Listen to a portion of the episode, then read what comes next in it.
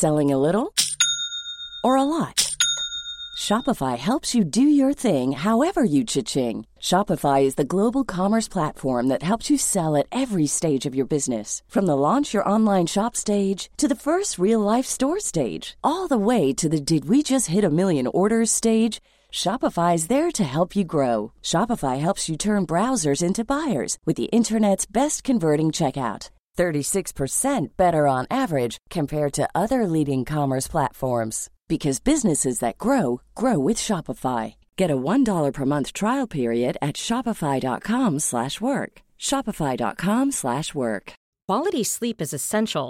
That's why the Sleep Number Smart Bed is designed for your ever-evolving sleep needs. Need a bed that's firmer or softer on either side? Helps you sleep at a comfortable temperature? Sleep Number Smart Beds let you individualize your comfort so you sleep better together. JD Power ranks Sleep Number number 1 in customer satisfaction with mattresses purchased in-store. And now save 40% on the Sleep Number limited edition Smart Bed for a limited time. For JD Power 2023 award information, visit jdpower.com/awards. Only at Sleep Number stores or sleepnumber.com.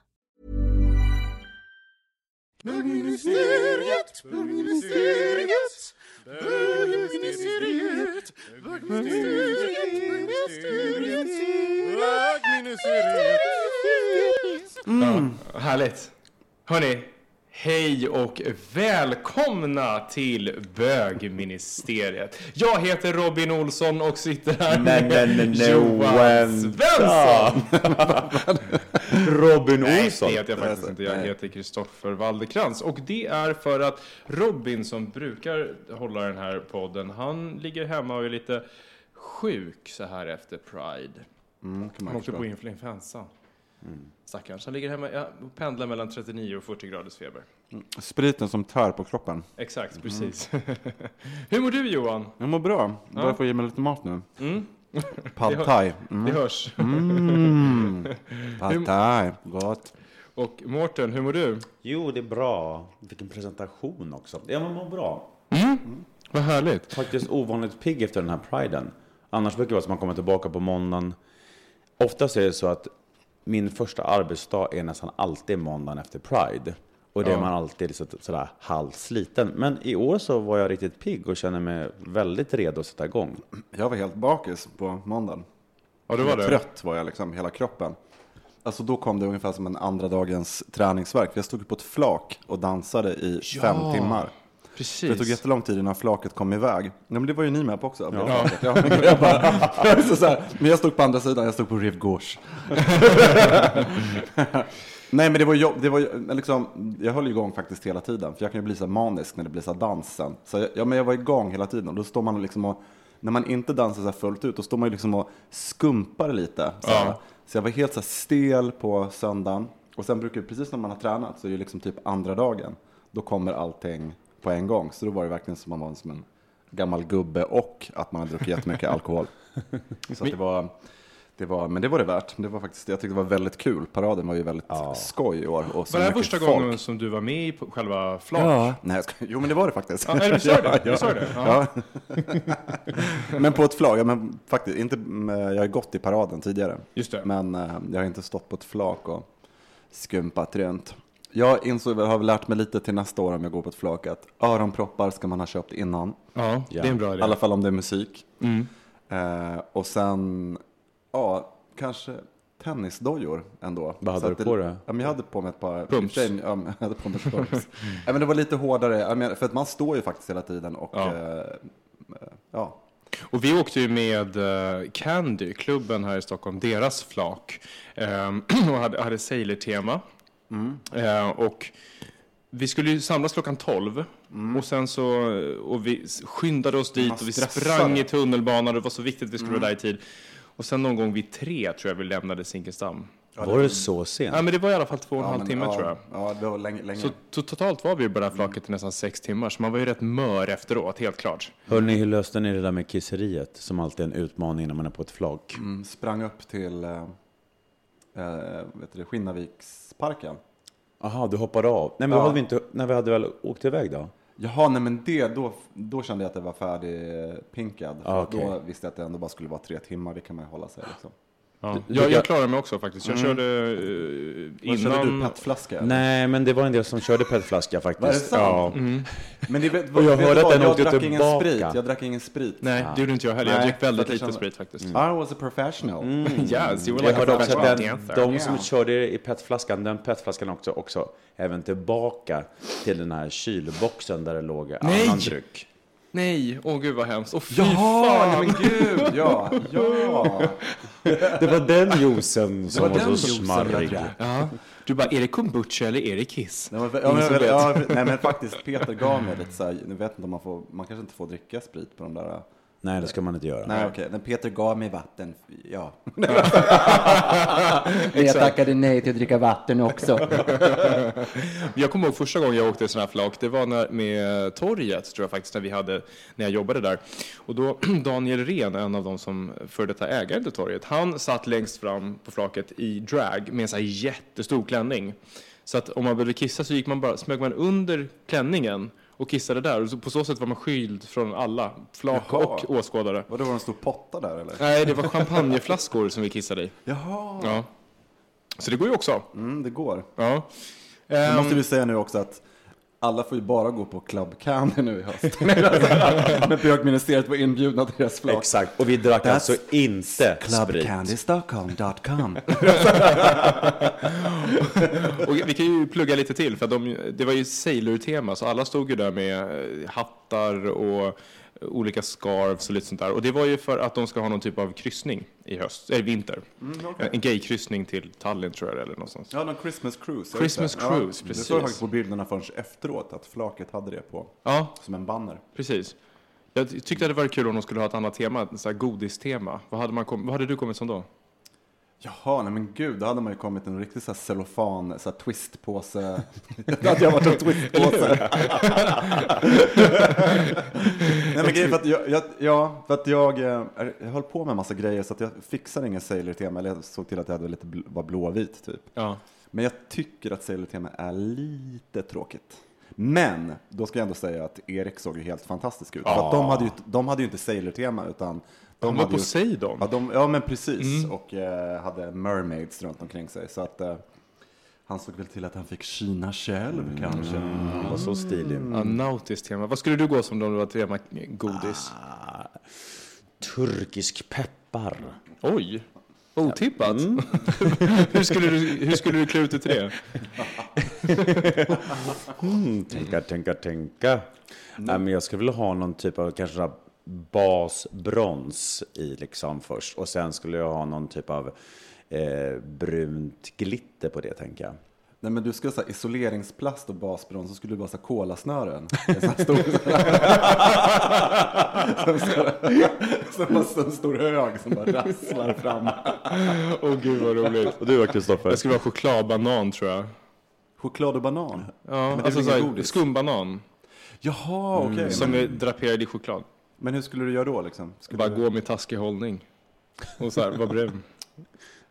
Eller så... Fan vad dåligt. Ja, men vad du. Nej, jag vet inte. Eller så här, kanske så här Bassett's All Sort. Du vet de här som är vit, röd, nej, vit, svart, vit. Eller... Engelsk konfekt. Ja, exakt. Ja. Precis. Jag tror att jag är den enda av alla mina kompisar, förutom en som jag vet som tycker om den godisen. Alla andra retar mig när jag köper sånt. Jag kan käka det, men jag tycker inte heller att det är så gott. Det måste vara färskt, Mm. annars är det inte, inte gott. Ja. Jaha, men vad, vad tyckte ni om Pride då? Sådär nu veckan efter. Jag hade jätteroligt verkligen. Ja. Mm, det var kul. Det var en rolig vecka, det var härligt i stan. Jag tyckte det kändes lite annorlunda. Ja, det tyckte jag också. Ja. Vad, var det, vad var det som gjorde att det kändes... Jag tyckte det här var den bästa Priden hittills.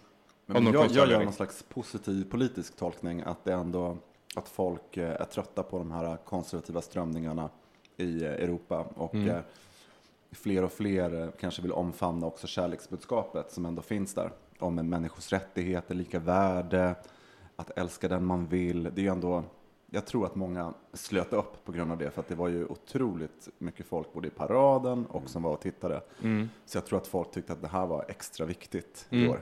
Mm. Det är valår och eh, man vill visa eh, att man står på humanismens sida. Mm. Eller något åt det hållet. Ja, men jag kände det, jag tyckte att det fanns. Det fanns något, folk som vanligtvis, som jag vet, eh, kanske inte bryr sig så mycket. För, det är många som har frågat, liksom så här, hur var det på Pride? Och det är ungefär som att alla vill veta, även om de inte var i stan. Och nu pratar jag inte bara om bögar och flator, utan nu pratar om alla, alla vänner och bekanta man känner. Så har folk varit väldigt intresserade. Mm.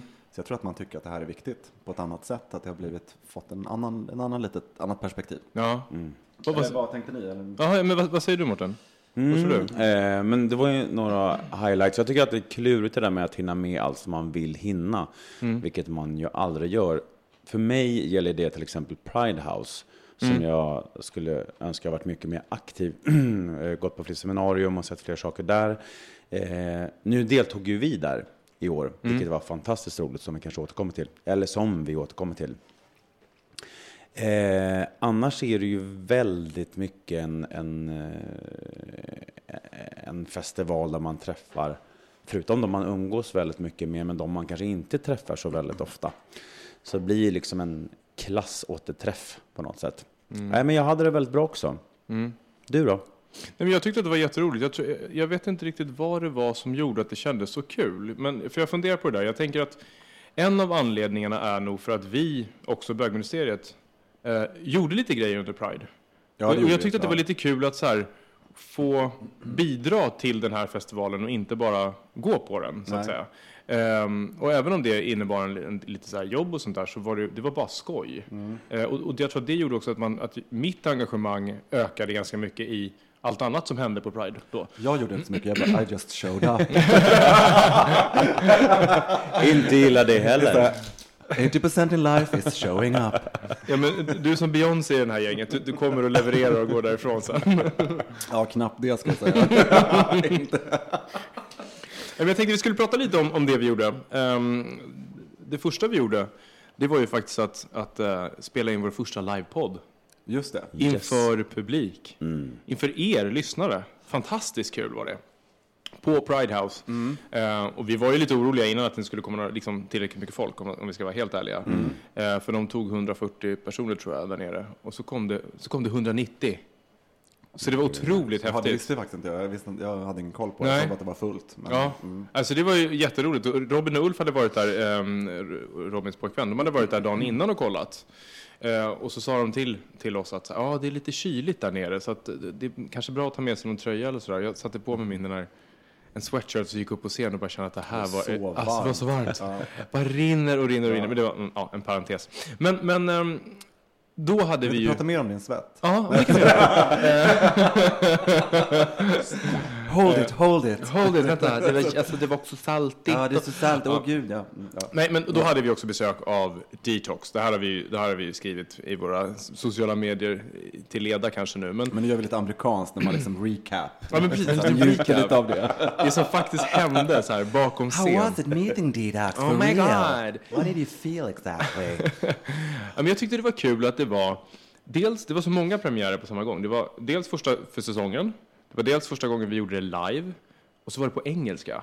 Mm, första internationella gästen vi hade. Första ni var ju skitbra, du och Robin. Alltså jag sa knappt halv sju, men, menar, men ändå, ni var ju väldigt bra tycker jag. För att jag tycker ändå det är jobbigt att, att ställa in sig i ett nytt språk. Man blir ju Mm. väldigt svängels. Man bara, So how did you feel when you came to uh, Stockholm and uh, Och Dalmåla. how do you like Swedish boys? Uh, aren't they beautiful? Yeah. Aren't they beautiful? Nej, men det blev jättebra tycker jag. Det blev faktiskt Ja. skitbra. Men vart ni nervösa? Jag hälsade ju bara folk välkomna, men det var ju ni som skötte snacket med Robin. Var det pirrigt? Ja, men det tycker jag alltså, in, innan. Men sen tyckte jag faktiskt att det var eh, väldigt kul när man väl kom upp på scen. För det var ju just, återigen, det var en sån här community-känsla.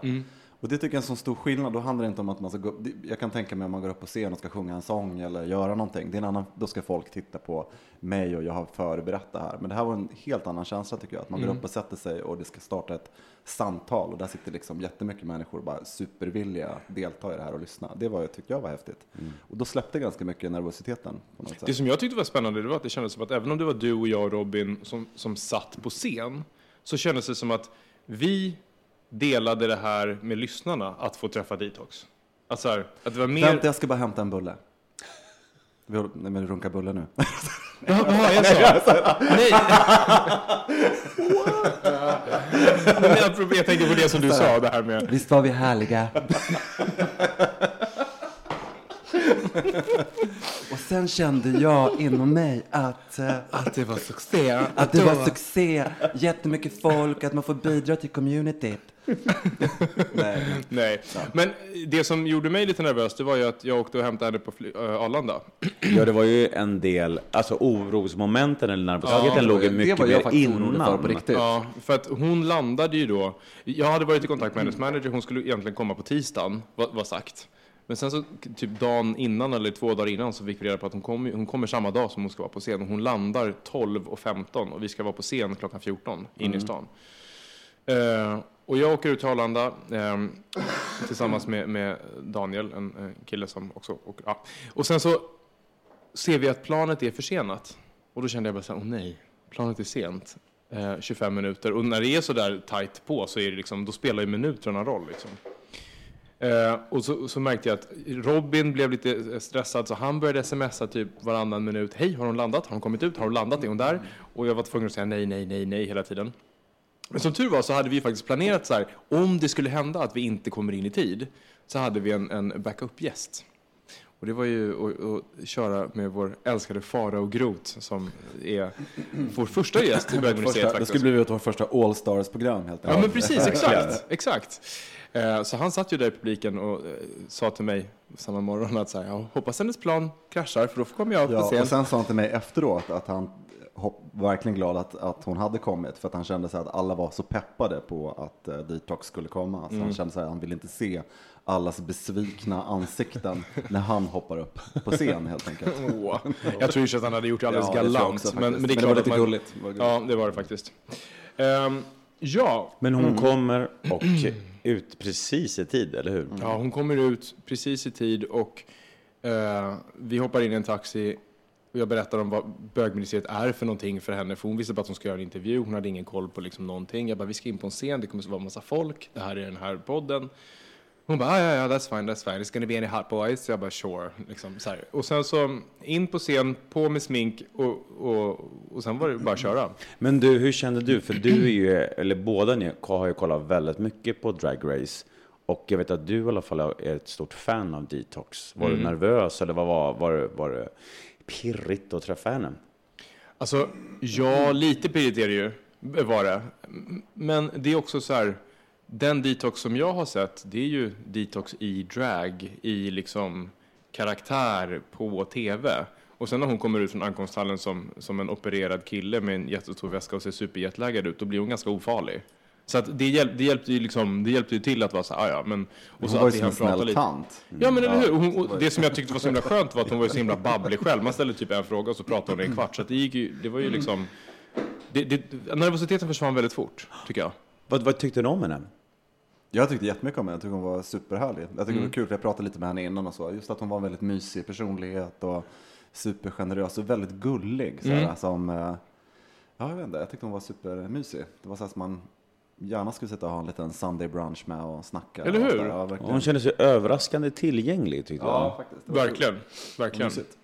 Så det var kul. Så det var faktiskt väldigt, väldigt roligt. Eh, och sen så träffade vi henne några fler gånger där ju. Hon var ju här under hela Pride och åkte hem idag och idag är det tisdag när vi spelar in det här. Så att hon var ju här länge. Ja. Liksom. Ehm, Enjoyed herself. ja, verkligen. Det, det har man sett på diverse Instagram. Men tack alla ni som kom och lyssnade och kollade in oss live. Otroligt roligt att det kom så mycket folk. Ja, verkligen. Jättekul. Tack snälla. Chin chin. Chin, chin. Ja, den andra grejen som hände det var ju att vi hade ett event tillsammans med Björn Borg i parken där vi bjöd in flera av er lyssnare eh, och några gamla gäster som dök upp också och andra followers. Eh, och det var ju också fantastiskt roligt att träffa många av er som lyssnar på oss som inte någon av oss Känner sen innan. känner sedan tidigare.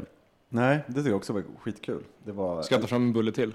Ja, alltså, och det var så härligt. Och jag kände... Nej, nej, men det var jättekul för att det var många jag kände igen eh, till ansiktet. Eh, så det var skoj. Det var, ja, det var skitkul. Mm. Så det var ju, och sen väldigt schysst av Björn Borg också. De bjöd ju faktiskt på allting. Ja. Eh, skumpa och det ena med det andra. Så det var faktiskt väldigt kul. Men det var ju fantastiska dagar, det var ju så soligt, det var ju så fina dagar i Stockholm, så det var ju faktiskt super. Så att jag tycker det var, det var toppen. Och då var vi inne i Pride Park. Och nu har vi, var vi ju alla i Pride Park. Vad tycker ni om Pride Park? Ja, va- Ja, vad tycker du om Ja, men Nej, jag men tänker så här, jag- för jag vissa, vissa säger så här, ah, det är Ja. skönt att det inte är på Tanto längre och andra tycker att det är synd att det inte är på Tanto till Ja, exempel. jag tycker ju att det är lite synd att det inte är på Tanto, därför att det blir lite... Eh, det, är ju, alltså det blir den här sträckan när man går mellan... Jag vet inte, det, det var mysigt när det låg i Tanto, för det var mer som att det låg i en park. Det var lättare för andra människor att ha picknick utanför. Och, ja, men du vet, det var, jag tyckte att det var lite mysigare på ett annat sätt. Det, vad- tycker du att det är bra på IP? Ja, jag, tycker, jag tycker det är fantastiskt på IT. Jag, jag var aldrig ett fan av Tanto. Jag tycker? Därför att ehm, jag gillar konstgräs, det är rent. Ja, det är kul. Ja, That's här, what it's become, cleaned. verkligen. Fast det fanns ju ett kinky kvarter, som i och för sig också var ganska clean. Men, men ehm, jag tycker jättemycket om det. Jag, ty, jag tycker om ytan, att det är stort och brett och liksom luftigt. Jag gillar inte förändring. Nej, okej. Exakt. Precis.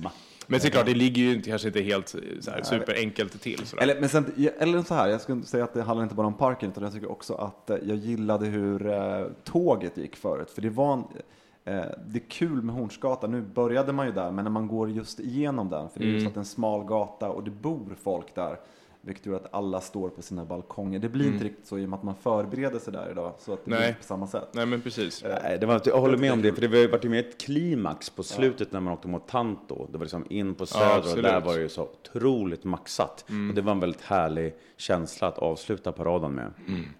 Se- Sen vet inte jag, jag, jag tror att det finns ett behov av, av att ha en park. eh, Jag tror att det är viktigt. Eh, Men eh, sen var väl, tyckte jag väl inte att jag hade några så här rafflande konstnärliga upplevelser när jag var där. Inte? Det- Från scenen. Men det var ju, jag tyckte det var kul när Conchita Wurst uppträdde. Ja. Eh, Just att hon bara Hur trött är hon på den låten nu?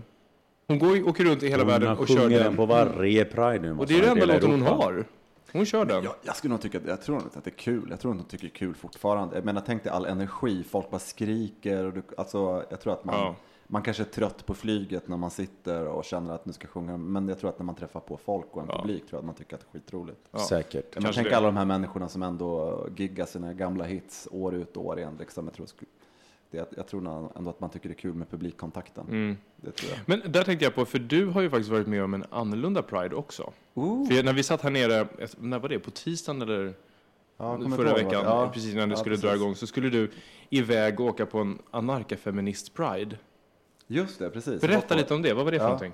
Nej, men det, det var, mm, det var jag var invigningen eh, av det och eh, jag åkte dit för att min kompis Helena skulle spela Vilda hästar eh, som en klubbföreställning som jag tror hon kommer göra under hösten. Så den kan jag rekommendera att gå och titta på. Det är en föreställning som, som ska spelas på klubb så att den ska liksom göras i ett sånt sammanhang. Så att det var därför jag åkte dit. Men sen eh, tyckte jag att det var att jag tycker att det behövs fler alternativ på något sätt. För det, det, det måste finnas, precis som på en politisk karta, flera olika motpoler. Eh, och jag, jag tyckte att det var, det tyckte jag var roligt. Det här var ju ute i, mm, vid Rågsved i Bandhagen och eh, jag menar att det fortfarande finns ett stort utanförskap bortom öltält och eh, Kajo på scen så, eh, så finns det folk som man ser ner på och som inte alls är poppis i gaykulturen och omfamnande och som transpersoner har fortfarande problem. Det vet vi, vi har träffat Alexa Lundberg och sådär liksom. Så att jag tyckte att det var, det, det är kul med lite mer politik kan jag tycka och det Mm. fanns det där. Så det var faktiskt väldigt roligt tycker jag att eh, träffa på och prata med, nu, kan jag, nu får man ju säga unga människor för att eh, många var ju typ eh, i alla fall Selling a little or a lot?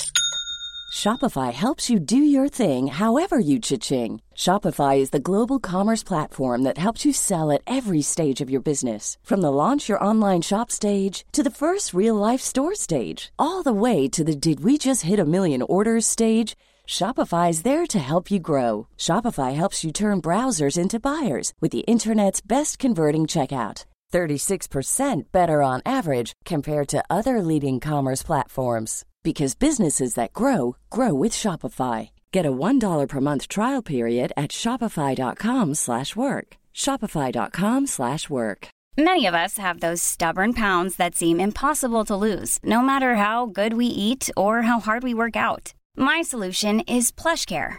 PlushCare is a leading telehealth provider with doctors who are there for you day and night to partner with you in your weight loss journey. They can prescribe FDA-approved weight loss medications like Wagovi and Zepbound for those who qualify. Plus, they accept most insurance plans. To get started, visit plushcare.com slash weight loss. That's plushcare.com slash weight loss. Planning for your next trip?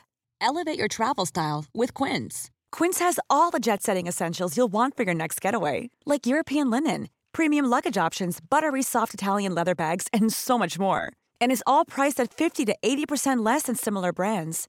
Plus, Quince only works with factories that use safe and ethical manufacturing practices. Pack your bags with high-quality essentials you'll be wearing for vacations to come with Quince. Go to quince.com slash pack for free shipping and 365-day returns.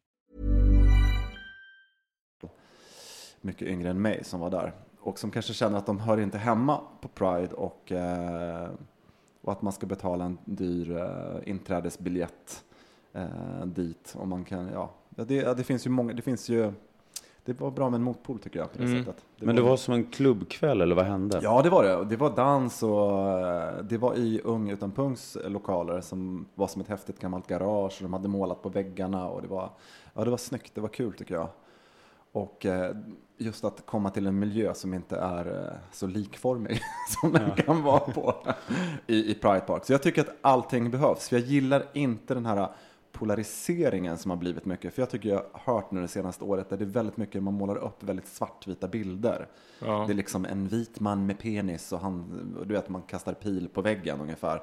Det, man vet inte alltid syftet med vad, vad den politiska strävans mål är på något sätt. Så det är väldigt mycket så här schablonbilder kan jag tycka ibland. Vad, vad, vad vill vi som community? Och, jag vet inte, det, det kan jag tycka. Så att, det behövs väl lite grann, lite mer nyanserad eh, Men skulle inte det egentligen då Anarka Pride vara en del av vanliga Pride för att undgå den polariseringen, tänker jag? För annars Men jag blir tror det ju att två, man kan sitta i grupp, också. eller jag tror, personligen tror jag inte att man alltid kan sitta i grupp och hålla hand, utan man måste liksom, det är en kamp, jag tror att eh, det, det, det, jag tror inte att det går faktiskt på något sätt. Jag tror att det behövs olika läger och det, finns alltid, kommer alltid finnas orättvisor att kämpa emot. Mm. Jag tror faktiskt det. Jag tror inte det kommer inte ha någon utopi där vi sitter alla liksom och myser och dricker samma eh, öl ur plastglas liksom. Och, eh, därför att jag tycker ändå, eh, orerar på här, men om man tittar på, det är ju väldigt kommersiellt inne i, eh, i, i, Pride, Park och det är bögarnas pengar eller om man ska säga så. Och man kan ju se nu i år börjar champagnetältet och det säljs dyra champagneflaskor och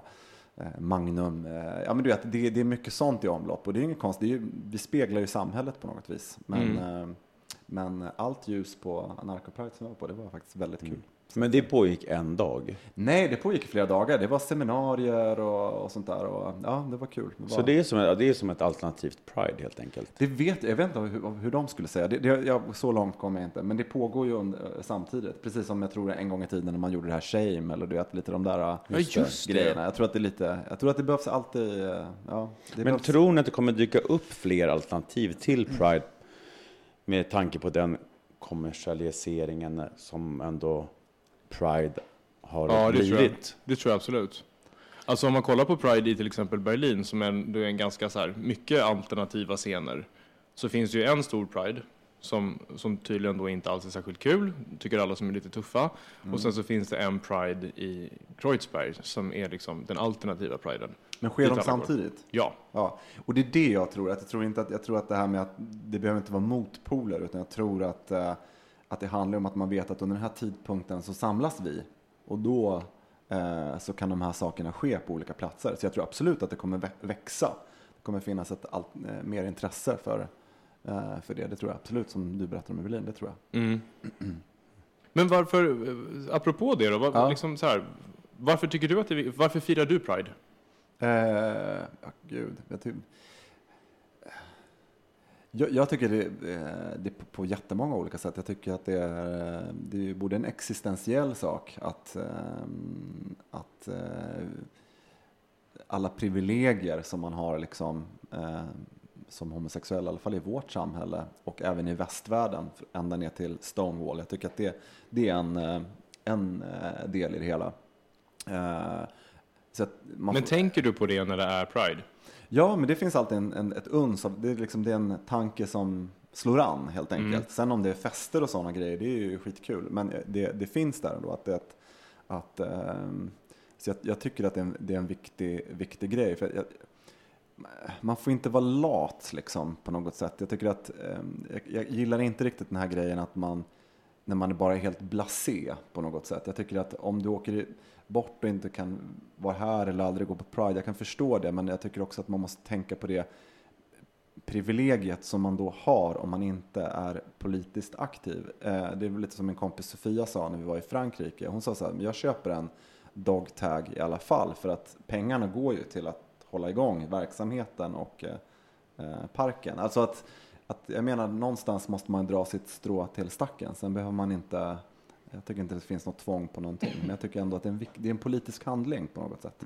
Det är ju det. Det är ju samma sak att man säger att man är bög, så säger det här är ju, det är ju ett uttalande, det är en politisk handling. Man kan ju gå omkring och vara tyst och inte säga Mm.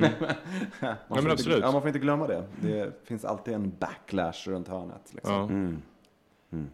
Vad, vad tänker du, Mårten? Nej, men jag tänker att minnet är ju ganska kort. Vi tar det för ganska för givet tror jag med att vi kan fira Pride. Det, det har ju inte pågått jättelänge. Det var ju en frigörelsevecka innan Pride, innan 98.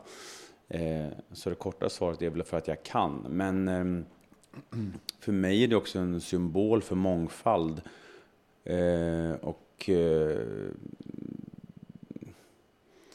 just det som du var inne på Johan tidigare om att det är valår i år. Eh, det var ett eh, e EU-val här i maj och det är ganska många politiska vindar som blåser som inte går i linje med de tankar som jag har och idéer och hur, hur jag vill att ett samhälle ska se ut. Så att det känns extra viktigt, precis som du var inne på Johan, just i år faktiskt att fira Pride.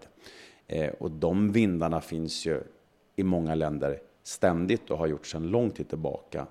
Eh, och att vi här hemma kan fira känns som att, att det är en arena där jag vill vara verksam eller finnas och eh, bidra. Ja, och då ska jag också säga att det är intressant det där för att när jag var på den här alternativa priden, då, eller anarko, anarko-priden, så ehm, det känns som jag hade flera namn, hoppas jag säger rätt här nu. Men, men då var Susanne Osten där och eh, pratade och hon hade varit i Finland eh, Eh, och berättade om, eh, ja men som ett Pride-firande där. Och hon sa att just att Pride i Stockholm, det är inte så, som du säger, det är inte så gammalt. Och hon kunde känna igen det firandet från när man började fira Pride här i Stockholm. Att det var inte så stort tåg och lite, ja men du vet, eh, några rädda människor och många som inte vågade. Och, och, så att det är ju, och det är ju ändå, hur många år sedan är det? Är det 90, var det 97? 98 var Pride, Var inte det- första Pride. Var det 98? Okej. Det var Europride. Jag tror det var 97, var det inte 97? Gud, Var, kan- ja, jag tror att det är 98, men det kan vi kika. Historieexperterna att samlas. Samtidshistoria med Mårten och Kristoffer och Johan. Listen and learn. Nej men, eh, nej, men absolut. Ja. Och du då, Kristoffer? Nej men alltså jag, så här, jag, jag skrev ju en, en krönika på QX. Just det. Eh, och i den så skriver jag att jag gör det av de här politiska skälen. Och det är sant. Det är verkligen sant. Men jag måste också... With a glass of champagne. Nej men faktiskt, Ja, så här, men, men vad som händer liksom är att så här, innan Pride, efter Pride, så är det absolut den politiska agendan som jag tycker är viktig. Och det är därför man gör det. Men det är också väldigt lätt att under Pride tappa det fokuset. Men i den här krönikan då skriver du om att eh, ni går in på 7-Eleven och Ja. så frågar han som jobbar där, är ni bögar? ja. Och vad är det då för svar du får? Eh, så, så här var det. Vi hade, vi hade varit ute, går förbi 7-Eleven för att köpa tuggummi. Kommer in och flamsar med varandra. Som man kan göra. Det bara så här, "Hej, va, va, va", du så här. Ehm, och då frågar han oss. Jaha, uh, tja killar, är ni, är ni bögar? Typ. Ja. Väldigt rakt på. Vilket var att, för min tanke då var inte att han var aggressiv. Eftersom att det var så rakt och öppet. Så jag bara, ja, hur- vadå då? Ehm, han bara, ja nej men. Jag har aldrig förstått det där varför man vill ha sex med barn. Eh, förlåt? Och det var så det började liksom. Eh, och sen tog jag den diskussionen med honom. Och det, det, mycket möjligt att det har liksom med olika perspektiv från olika bakgrunder, hela den biten. Men, men det som slog mig där och då, det var ju att för 7-Eleven har ju gått ut och varit otroligt så här, de är huvudsponsorer, de viger folk i sina butiker, de är liksom så här, de har verkligen Under Pride. under Pride. De har ju varit väldigt så här, vokala med sin support för, för Stockholm Pride. Och så är det där det händer. Och det är det att så här, homofobin och den typen av ignorans, den finns överallt. Ehm, och därför, då, då blir det så himla uppenbart för mig att så här, det är ju tillfällen som Pride där luppen liksom sätts på de här typen av frågorna och man lyfter upp dem utöver Pride-parad också. Det diskuteras hbtq-frågor i nyheter, i olika kultursändningar, vad det nu kan tänkas vara, radio. Och det är det som är det viktiga. Så frågan är hur viktig är paraden? Jag vet inte. Men Jag tycker den är viktig. Jag tycker det, du, det som händer här på 7-Eleven tycker jag ändå är in, intressant. För det är ändå någonting som är uttalat. Man måste ju ändå säga att det är någon som ställer en fråga och eh, uttalar sig. Det hemska Ja. är ju liksom det, dol, det dolda förtrycket och föraktet och eh, eh, folk som sitter och tycker i stugorna. Lite grann som Elisabeth Olssons bild från eh, där i slutet på 90-talet. Där man ser eh, att det är skinheadsen som slår ner en man och så ligger han liksom i skuggan av ett kors och sen så går folk i kostym åt andra hållet. Det är en sån här symbolisk bild där liksom att egentligen de som har makten kan sitta på sina liksom eh, rasistiska och förtryckande tankar men man låter eh, fotfolket utföra handlingarna och vara de som är plumpa på något sätt.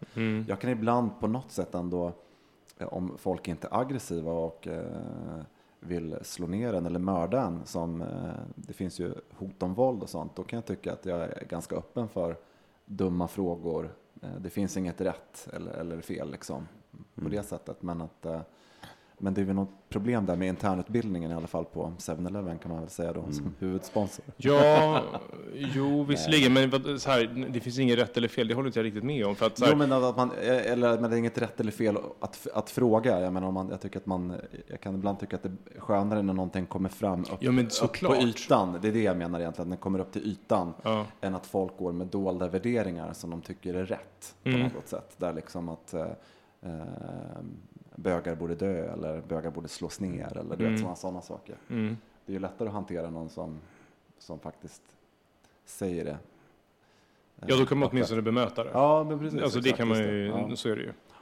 Ehm, och det blev ju bemött. Dels Mm. från mig där och då, men dels också av att jag kontaktade 7-Eleven och de tog ett samtal med honom och återkopplade till mig och berättade det. Sådär. Så Mm. Ja, de det är tog ju sitt det ansvar ja, helt. Mm. helt och hållet. Liksom. Ehm, och det är ju jättebra. Och han, han fick inte sparken, vilket också är bra. Mm. Därför då han gått därifrån och fortsatt tycka så eller tänka så. Nu fick han en varning och kanske fundera lite på. kan man ju hoppas. Ja, nej, men jag, jag, jag, tänker på, jag, jag tänker på det även som bor ändå mitt i city. Att just den grejen som jag berättade någon gång om här i, i podden tidigare. Att eh, just den grejen när jag och David går på en bakgata, även på Repslagargatan från en restaurang som vi går. Eh, och liksom två killar försöker trissa upp det liksom. För att få en situation så att man ska reagera. Och då är vi själva liksom och det är så här två biffar på andra Mm. andra, andra sidan. Det- Det är ju fortfarande så att man inte bara strutsar omkring i, eh, i stan hand i hand. Eh, Nej. Utan man, man tänker defensivt, precis som, som också en del unga tjejer säkert gör när de är ute och går också på någon, någon gata. Att man tänker liksom vart, vart ska jag gå den här mörka gränden upp? Eller när kommer ett gäng killar där borta liksom, så väljer jag nog att släppa handen eller eh, bara gå bredvid varandra och så. Så Mm. det, det, det, det finns mycket kvar liksom, Ja, verkligen. än den här skyddade veckan så att säga. Då. Ja, men man är ju i en miljö där man sällan Mm. blir utsatt eh, för potentiellt hot. I alla fall att det är väldigt påtagligt. Nu var det en bekant till oss som blev nedslagen eh, på väg från Candy nu strax innan Pride. Var det Nej, här. nedslagen blev han ju inte. Eller han fick i alla fall en, en smäll Ja. över käften i alla fall. Han, han gick hem med ett ragg från, från klubben. Ja. Eh, och sen från ingenstans så hör han bögjävel och så får han en smäll på käften. Ja. Men han är lite badass, så han gick med sin cykel. Sa till ragget att håll i den här. Och så gick han ner i tunnelbanan och slog tillbaka, så gick han upp igen och bara let's go. Och det var ju lite roligt, Ja. för det var ju, eller roligt, det var ju Ja, jättehemskt att det, att det blev så. Men, men det är också lite otippat tror jag från den killen som bara, nu ska jag slå en bög och så fick Mm. Ja. han på käften istället liksom. Men sånt där händer ju. Och jag tänker ofta på det också, att vi är i en ganska skyddad bubbla. Vi bor i Stockholms innerstad. Även om sånt kan hända som du berättade om med dig och David där, så är det ju ehm, ganska... Jag känner mig ganska orädd i Stockholm faktiskt. Alltså någonstans har man väl i bakhuvudet, man är medveten om, alltså det är vissa miljöer, jag vet att vi har pratat om det här tidigare i podden också, kanske var i samband när du berättade den här händelsen med David. I vissa miljöer är man ve- medveten om att här väljer man att, att inte hålla handen, men det går så otroligt instinktivt och så snabbt så man tänker knappt på det, utan man släpper bara handen där, eller här väljer jag att inte. Jag tycker att, att man, det man inte får glömma eh, är ju att, att såna här, eh, det du berättar om det sättet att vara är ju en, eh, det är en normalisering på något sätt utav en situation man är van att hantera. Så det går per automatik som du faktiskt säger. Men skulle man räkna ut den procentuella tiden som man beter sig på det sättet så det är en ganska stor tid. Så det får man inte glömma, även om man känner sig orädd som du säger. Så kanske det finns ändå en stor tid som du har accepterat över, liksom om man skulle titta på några Jo, veckor över tid. Absolut. Och då är det faktiskt en mycket mer allvarlig situation, men det är normaliserat för oss att tänka defensivt Mm. på något sätt. Sen kan man tycka att det har blivit en mjukare stämning i stan, att det finns en öppenhet, det är kul att se det här med Pride och så. Men den där defensiva eh, tanken kring hur man beter sig i en offentlig miljö vid olika tidpunkter, den tror jag finns där i ryggraden på något Mm. sätt. Den, eh, det, liksom, Det har du, det har du rätt i. mm, och det, det kopplar man på.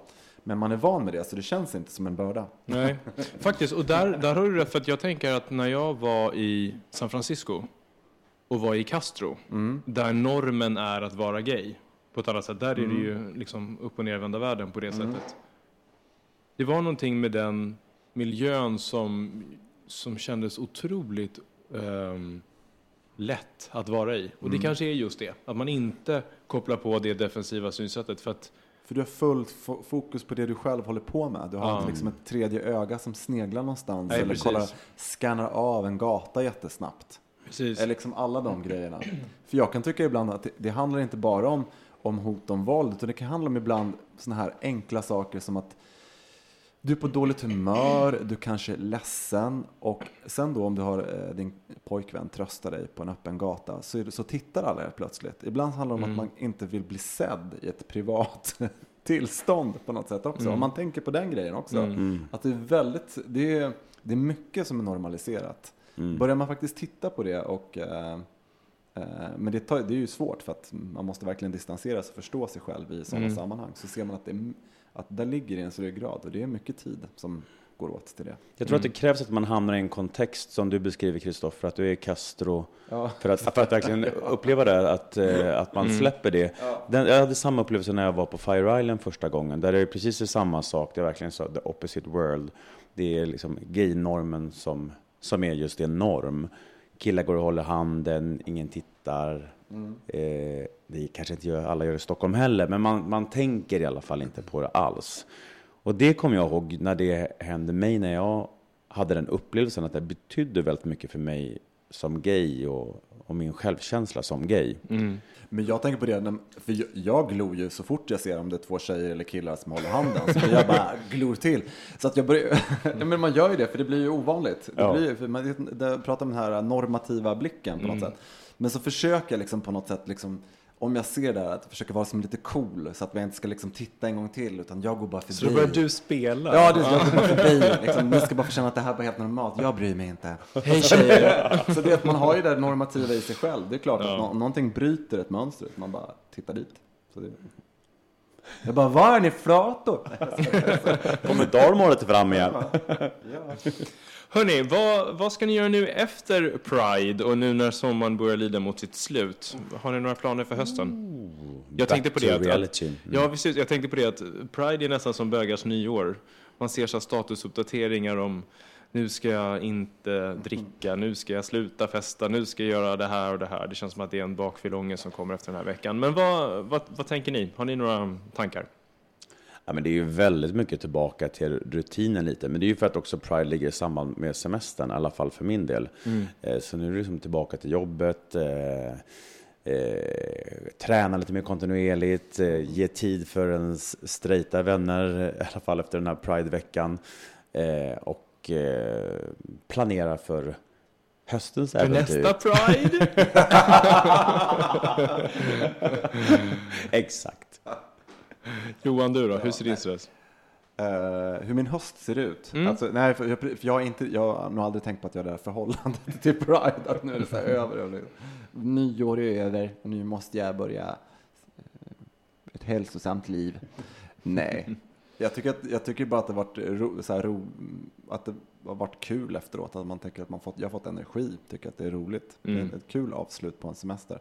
Jag har inte varit någon så här Pride-fyra av dignitet för att jag har varit borta väldigt många somrar eh, också. Så att, eh, jag tyckte det varit kul nu. De, David är en sån här Pride-freak så att det är svårt att komma på något annat att Mm. göra så att säga. Men, eh, men eh, så att, eh, nej, så inget, det, ja.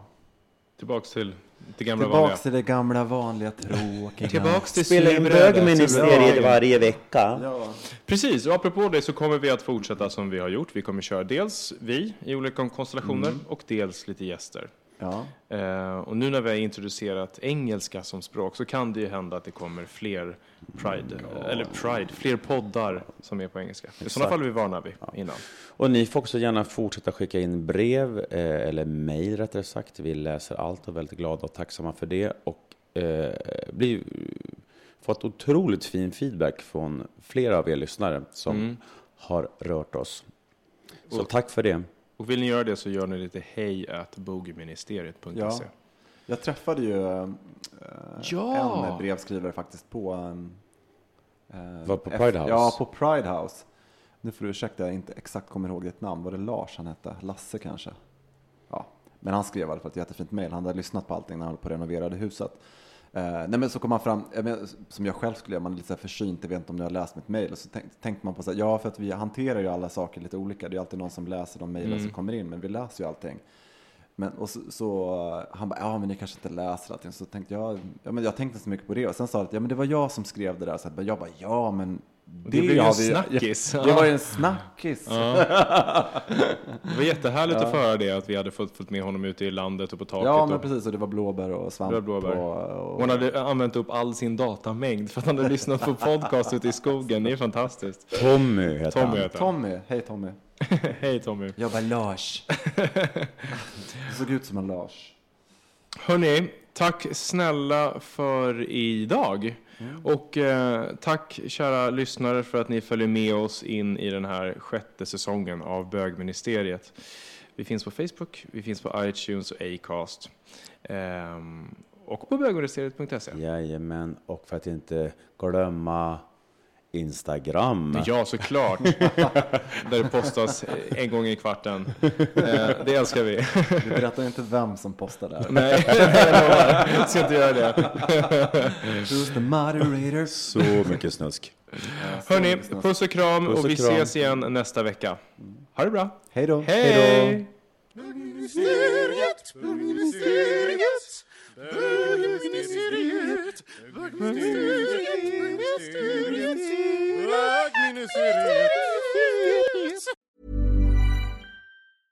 Even when we're on a budget, we still deserve nice things.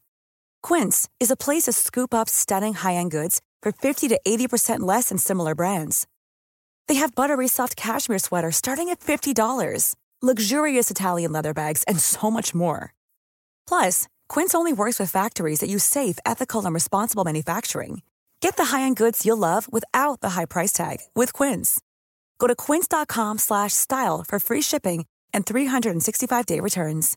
Imagine the softest sheets you've ever felt. Now imagine them getting even softer over time. That's what you'll feel with Bowl and Branch's organic cotton sheets. In a recent customer survey, 96% replied that Bowl and Branch sheets get softer with every wash. Start getting your best night's sleep in these sheets that get softer and softer for years to come. Try their sheets with a 30-night guarantee. Plus, get 15% off your first order at bowlandbranch.com. Code BUTTERY. Exclusions apply. See site for details.